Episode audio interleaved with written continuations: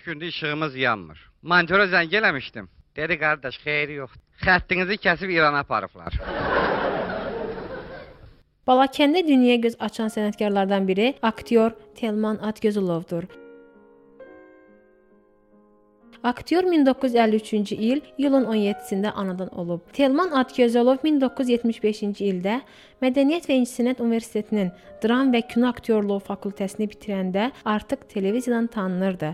Aktyor 5 il tədris teatrında, televiziya tamaşalarında işləyib. 1980-ci ildə Azərbaycan Milli Dram Teatrında işə başlayan aktyor ömrünün sonuna qədər burada çalışıb. Telman Atgözəlovun vəfat etdiyi gündən danışan aktyor həmkarı Makbet Bünyadov həmin gün onun səhərdən axşama qədər teatrda olduğunu deyib.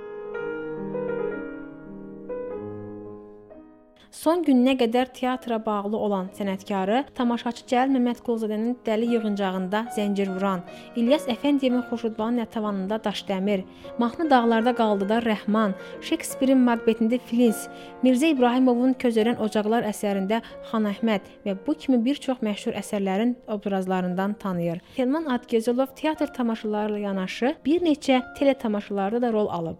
Dövlət televiziyasında hazırlanmış Yaşıl eynəkli adam Oradan buradan, qonşular, Azərbaycan Film Kino Studiyasında istehsal olunmuş Nəsimi, Üzü küləyə, Xatirələr sahili kimi filmlərdə xarakterik rollar oynayıb.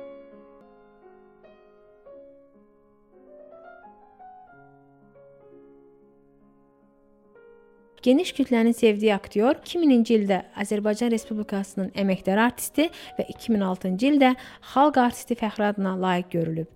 Bir qız və bir oğul atası olan Telman Adgözəlov 2010-cu il aprelin 15-də 57 yaşında ürək çatışmazlığından vəfat edib. Aktyor heç bir rəsmi vida mərasimi təşkil olunmadan Bakının Fatmiyə kənd qəbirstanlığında dəfn olunub. Tamaşaçının səhnədən, ekrandan tanıdığı aktyorun səhnədən kənar həyatını oğlu Tural belə xatırlayır. Atam ciddi olmağına ciddi idi, amma çox da ciddi demək olmazdı.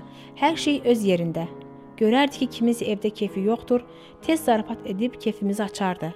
Amma bütün günü desin, gülsün, zarafat etsin, belə şey yox idi. Təbiətən sakit, mehriban, kobudluğu sevməz, mülayim insan idi.